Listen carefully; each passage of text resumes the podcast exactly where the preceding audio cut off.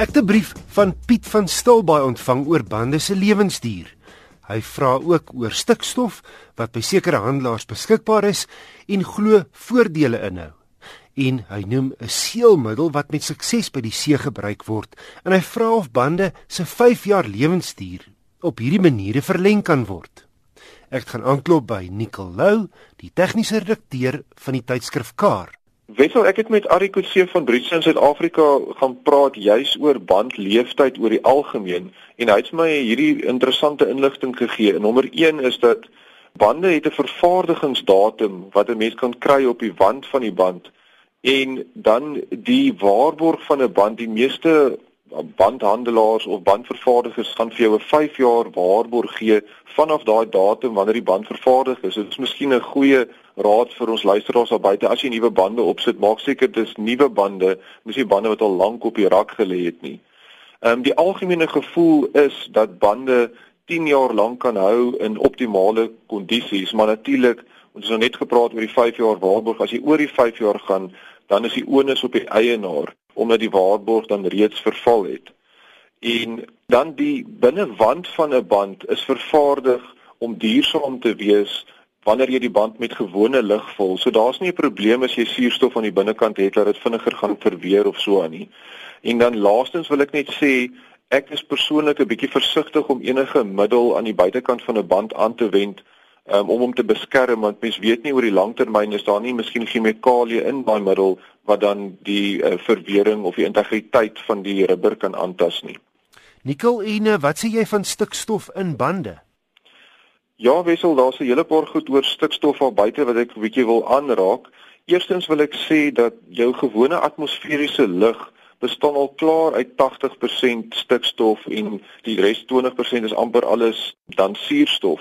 So as jy jou bande gaan met stikstof um, oppomp, dan spreek jy eintlik maar net daai ekstra 20% aan. So die verskil is nie so groot soos wat jy sou dink teenoor gewone atmosferiese lug nie. Die enigste ware voordeel wat suiwer stikstof het teenoor gewone atmosferiese lug is dat die molekules effens groter is wat beteken dat jou bande langer hulle druk sal hou. Hulle praat van omtrent so 30% voordeel wat jy kry in in in daai aspek. So die mite dat stikstof in jou bande gaan veroorsaak dat jou bande dan koeler loop. Dis dis glad nie waar nie. As jy atmosferiese lug in jou bande het en as jy korrekte druk, dan gaan dit dieselfde temperatuur wees as met stikstof. Ek dink wat die stikstof ouens vir jou wil sê is dat jou band gaan pappe raak en natuurlik dan het jy meer wrywing en dan gaan jou temperatuur hoër wees. Die ander een is dat ehm um, jou bande nou langer gaan hou om dan nie suurstof aan die binnekant is nie wat dan nou die wand van die die band kan beskadig. Maar soos ons nou vroeër gepraat het dat daai bande is ontwerp om gewone lig te kan vat. So dit is ook nie waar nie. En laastens die mite is ook dat jy gaan brandstof bespaar as jy stikstof in jou bande het. En weer eens is dit nie waar nie. Daar optimale druk met gewone lig gaan vir dieselfde wrywing um, en weerstand dan op die pad gee as met stikstof. Dis maar weer eens as jy bande pap ry, dan is daai weerstand groter en gaan jy meer meer brandstof verbruik. Natuurlik die nadeel van stikstof is jy moet betaal daarvoor. En as jy dan eers stikstof in jou bande het en hy raak dan pap wat 'n bietjie langer gaan neem, maar dan moet jy weer betaal om dit weer um, op te pomp met stikstof terwyl natuurlik die atmosferiese lug op die stadium dan nog gratis by die petrolstasies beskikbaar is. Nicolou die tegniese redakteur van Kar. Motornavraag kan aan my ge-e-pos word. Die adres is wissel@rsg.co.za.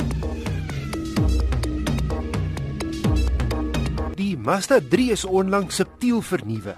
Meestal kosmeties en die golfgrootte Mazda behou sy baie stylvolle, nogal kopie-agtige voorkoms.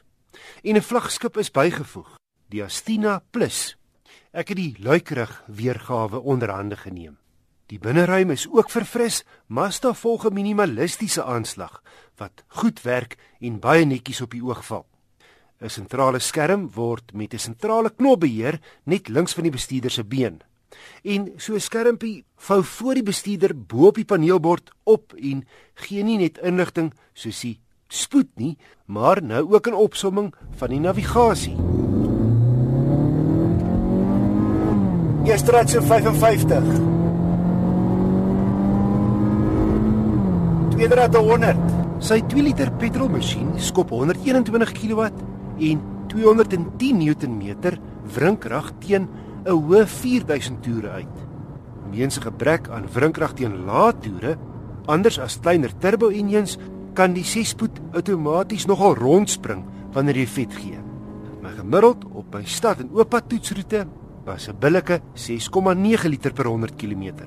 Die Mazda 3 het 'n uitstekende onderstel en die rit en daarmee saam die sitplekke is baie gemaklik met voorspelbare hantering.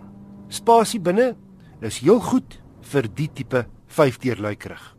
Hierdie Astina Plus model is verreweg die leukste wat ek nog in die klas teëgekom het. Maar wees gewaarsku teen 'n prys van anderkant 400 000 bokke. Sy vlak van toerusting het jy onlangs net op groter, luukse premium voertuie gekry. Hier is die hoogtepunte. Bystand om jou in jou laan te hou, leersitplekke waarvan die bestuurdersin elektries verstel, laanverlaat en blinde kol waarskuwings in die kantspieëls en in die kleinskerm voor jou, klimaatbeheer, waarskuwings as dit voorkom of die bestuurder aan die slaap raak, navigasie, botswaarskuwings in elektriese sondak, togbeheer, 'n driekamera en parkeersensors, selfverstellende LED hoofligte en 18 duim alloy wiele. Al die bykomstighede stoot egter die prys op na 'n stywe 415900 rand. Nou kyk, die Astina Plus het baie wat in sy guns stel. Maar my geld sou ek laer af in die reeks bestee, veral na die skokke van die begrotingsrede. My gunsteling model in die reeks is die Individual. Handrat asseblief, ook met die 2 liter. Hy's 'n volle 77400 goedkoper maar steeds goed toegerus met onder meer leersitplekke, 'n sondak, togbeheer, ses ligsakke, wegtrekhulp en stabiliteitsbeheer.